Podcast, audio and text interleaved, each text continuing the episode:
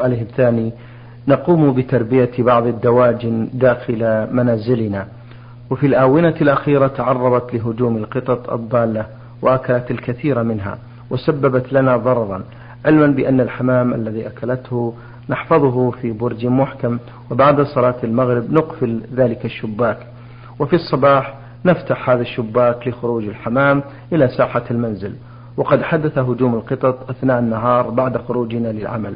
حاولنا عدة مرات أن نطردها ولكن القطط استمرت في الهجوم وبعد ذلك اضطررنا إلى دس السم في أكل فضلات الطعام وفعلا ماتت القطط. فما حكم الشرع في نظركم في عملنا هذا؟ نعم. هذا العمل الذي عملتموه لا بأس به. فإذا صال على الإنسان أو على ماله أحد فله أن يدافع عنه. ولو أدى ذلك إلى قتل الصائل وهذه القطط التي كانت تهاجم الحمام ولم تندفع بمدافعتها لكم أن تقتلوها. إما بالبندق بالبندق وإما بالسم ولكن احترزوا في مسألة السم أن لا يأكله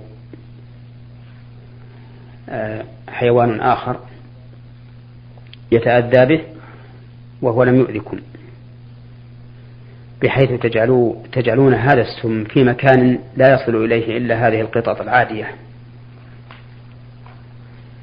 وإذا كان النبي عليه وإذا كان النبي صلى الله عليه وسلم قد أذن للإنسان إذا هاجمه شخص من البشر ولم يندفع إلا بالقتل أن يقتله فما بالك بالحيوان بالحيوان الذي لا تصل حرمته إلى حرمة الآدمي؟ نعم. بارك الله فيكم. هذه رسالة وصلت من المستمع سين سين الزهراني المملكة العربية السعودية يقول إنه في يوم من الأيام وقع وقع حادث علي وهو انقلاب بسيارتي وقد توفي والدي أثناء الحادث وقد أفادني أحد الإخوان أنه يجب علي أن أصوم أو أعتق رقبة هل هذا صحيح؟ إذا حدث حادث في السيارة فإنه يجب أن ينظر في سبب هذا الحادث. فإذا كان سبب الحادث من السائق إما بتعدي أو تفريط فإنه يضمن ما تلف بسبب هذا الحادث وعليه الكفارة إن مات به أحد. مثال مثال التعدي أن يحمل السيارة أكثر مما تتحمله. أو أن يحرفها وهي مسرعة. أو أن يسرع سرعة كبيرة تكون سببا للحادث. ومثال التفريط أن يتهاون في ملاحظة السيارة. مثل أن يعلم بخلل فيها ولكن يتهاون يقول نصبر وصلنا البلد وصلنا المحطة وما أشبه ذلك. أو يكون أو يعرف أن في في عجلات السيارة خللا خللا ولكن يتهاون يقول المدى قريب البلد قريب المحطة قريبة حتى ينفجر إطار السيارة. فهنا يكون عليه ضمان ما تلف من نفس أو مال وتكون عليه الكفارة. أما إذا كان الحادث بغير تعد ولا تثريب فإنه لا شيء عليه لا ضمان ولا كفارة. مثل أن يكون انفجار العجلة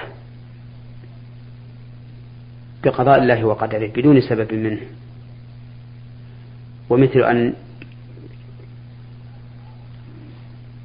يتفادى ضررا يخشى منه ويكون حين التفادي انقلبت السيارة فإنه لا شيء عليه. مثاله أن يقابله شخص على خط سيره فيحرف السيارة لئلا يصطدم به ثم يحصل عند حرف انقلاب فإن هذا لا شيء عليه. أما الأول الذي حصل الحادث بسببه وهو انفجار عجلة السيارة مع الاحتياط فهذا لأنه لم يتسبب لهذا الحادث. وأما الثاني فلأنه محسن. صحيح أنه هو الذي حرف السيارة. لكنه حرفها معتقدا أن هذا هو طريق السلامة وأنه أسلم مما لو مما لو بقي في خط سيره.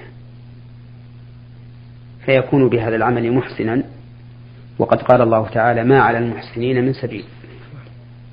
وكذلك ومثل ذلك لو كان يمشي في الخط. فإذا به أمام حفرة أو حجر كبير إن استمر في سيره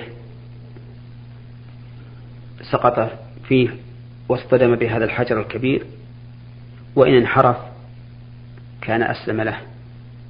فانحرف وفي انحرافه حصل الانقلاب فإن ذلك لا ش... فإن فإنه ليس عليه شيء في... في ذلك. لأنه تفادى خطرا يرى أنه أعظم فيكون بذلك محسنا. وما على المحسنين من سبيل. والمهم أنه يجب التحقق في سبب الحادث. فإذا كان بسبب تفريط فإذا كان بتفريط من السائق أو بتعد منه فعليه الضمان والكفارة. وإن لم يكن بتعد منه ولا تفريط أو كان بإحسان لتفادي الضرر فليس عليه شيء. لا ضمان ولا كفارة. وأما قوله في السؤال علي أن أصوم أو أعتق رقبة فظاهر كلامه أنه يعتقد بأن الصوم والعتق سواء. أيوة. وليس كذلك. فإن الواجب في كفارة القتل أن يعتق رقبة. فإن لم يجد صام شهرين متتابعين. وليس فيه صدقة. بل إن كان يستطيع أن يصوم صام وإن كان لا يستطيع فليس عليه شيء. لقول الله تعالى وما كان لمؤمن أن يقتل مؤمنا إلا خطأ ومن قتل مؤمنا خطأ فتحرير رقبة مؤمنة ودية مسلمة إلى أهله. إلى قوله فمن لم يجد فصيام شهرين متتابعين توبة من الله وكان الله عليما حكيما. ولم يذكر الله تعالى شيئا ثالثا في هذه الكفارة. بخلاف كفارة الظهار فإن الله تعالى ذكر فيها ثلاثة أشياء. العتق فمن لم يجد فصيام فمن لم يستطع فإطعام ستين مسكينا. أما كفارة القتل فليس فيها إطعام بل إما أن يصوم إن كان لا يستطيع الرقبة أو لا شيء عليه إن كان لا يستطيع الصوم. نعم. فضيلة الشيخ يذكر أن المتوفى معه كان والده. نعم. إنما لا فرق بين الوالد وغير الوالد. وغير الوالد. كلها نفس مؤمنة. طيب. فلا فرق. والأولاد أيضا و... و... ولا فرق كذلك بين الأولاد وغيرهم. ولا فرق أيضا في وجوب الكفارة بين المسلم وغير المسلم.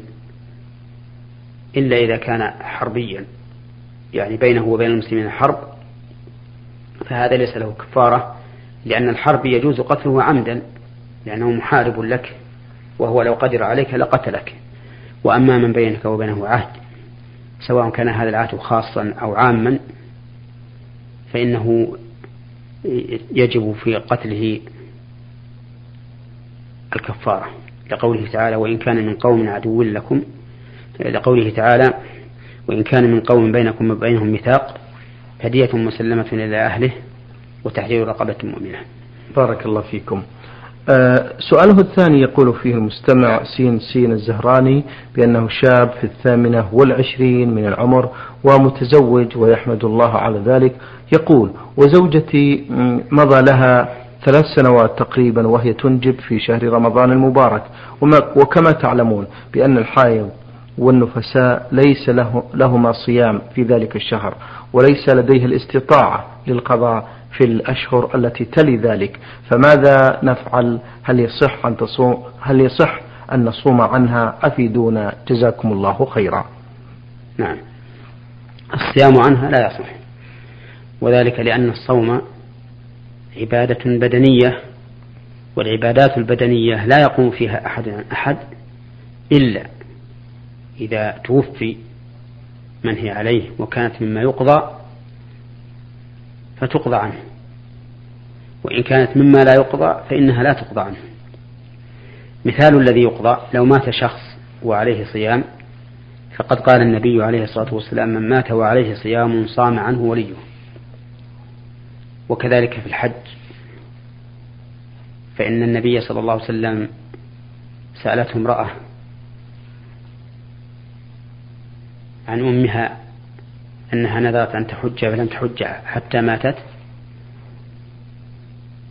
فأذن لها النبي عليه الصلاة والسلام أن تحج عن أمها. وأما ما لا يقضى كالصلاة فإنه لا يقضى عن الميت. فلو مات شخص وعليه صلوات لم يصلها فإنه لا يقضى عنه ولا يتصدق عنه بسبب تركه هذه الصلوات. وبهذه المناسبة أود أن أبين مسألة يغفل عنها كثير من الناس وذلك أن بعض المرضى إذا وصل إلى حد الإجهاد والتعب ترك الصلاة قال حتى أنشط وأتوضأ وأصلي قائما وما أشبه ذلك وهذا حرام عليه. فالواجب أن يصلي المريض على أي حال كان. يتوضأ فإن لم يستطع يتيمم فإن لم يكن عنده ما يتيمم به صلى ولو بلا تيمم. ويصلي قائما فإن لم يستطع فقاعدا فإن لم يستطع فعلى جنب. ويصلي مطهرا ثيابه ومكانه فإن لم يستطع صلى ولو كانت ثيابه نجسة أو مكانه نجسا. المهم أنه لا يجوز تأخير الصلاة لأي سبب من الأسباب. نعم لو فرض أن المريض مغمى عليه من شدة المرض فبقي يومين أو ثلاثة وهو لا يشعر ثم صحى فإنه لا يجب عليه القضاء. ولا يمكنه أن يصلي في حال الإغماء لأنه لا عقل له. ولكن إذا كان صاحيا فإنه لا يجوز أن يؤخر الصلاة من أجل العجز عن شيء من شروطها أو أركانها. نعم. بارك الله فيكم. في سؤاله الأخير يذكر فضيلة الشيخ بأن له أولاد يقول ولم أقوم ولم أقم بذبح آه، التمائم كما نسميها وذلك لأنني لم أتمكن من الحصول على المبلغ لكي أقوم بذلك. وكما تعلمون أنه لا يصح الذبح بالدين أو السلف فماذا أفعل؟ أفيدوني مأجورين ليس عليك شيء ما دمت لا تستطيع أن تقوم بهذا بهذا العمل لأن الله تعالى يقول في كتابه فاتقوا الله ما استطعتم ويقول عز وجل لا يكلف الله نفسا إلا وسعها. وقال النبي صلى الله عليه وسلم إذا أمرتكم بأمر فأتوا منه ما استطعتم. فإذا كان الإنسان فقيرا عند ولادة أولاده فليس عليه تميمة لأنه عاجز والعبادات تسقط بالعجز عنها. نعم. من اليمن المستمع عبد المحسن يقول في سؤاله الأول في بلادنا آه، زوجة العم لا تحتجب من أخي زوجها ولا من والد أخي زوجها. فما حكم الشرع في نظركم في ذلك؟ وبماذا تنصحون هؤلاء؟ ننصح هؤلاء أن يتقوا الله عز وجل في أنفسهم وفي أهليهم. وأن يعلموا حدود ما أنزل الله على رسوله حتى يعبدوا الله على بصيرة وعلى بينة من أمرهم. وأن يعلموا أن العادات لا تحكم على الشرع وإنما الشرع هو الذي يحكم على العادات. ومعلوم أن أخ الزوج وعم الزوج وخال الزوج ليس محرما لزوجته. فعلى الزوجة أن تستر وجهها عن أخي زوجها وعمه وخاله. وأما أبو الزوج وجد الزوج من قبل الأب أو من قبل الأم فإنهم محارم لزوجة ابنهم. لقول الله تعالى في جملة المحرمات وحلائل أبنائكم الذين من أصلابكم. والأبناء هنا يشمل أبناء الصلب وأبناء البطن. أي يشمل ابن الابن يشمل الابن وابن الابن ويشمل ابن البنت وإن نزل. وعلى هذا فالجد من قبل الأم أو من قبل الأب محرم لزوجة ابن بنته وابن ابنه وابن ابنه. نعم. بارك نعم. الله فيك. وأما العم والخال والأخ للزوج فليس محرما. وكذلك زوج الأخت ليس محرما لأختها. نعم. بارك الله فيكم. نعود آه، إلى رسالة المستمع محمد علي محمد يقول في سؤاله هذا إذا جاء رجل والإمام في الركعة الأخيرة من صلاة المغرب فكم يسجد بعد السجدة التي سجدها مع الإمام؟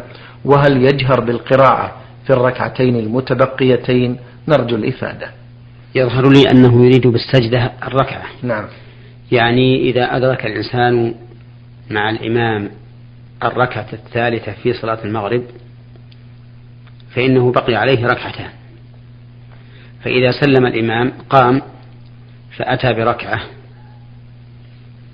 يقرأ فيها الفاتحة وما تيسر من القرآن ثم إذا سجد جلس للتشهد الأول ثم قام بعد أن يقرأ التشهد الأول وأتى بالركعة الثالثة مقتصرا على قراءة الفاتحة فقط.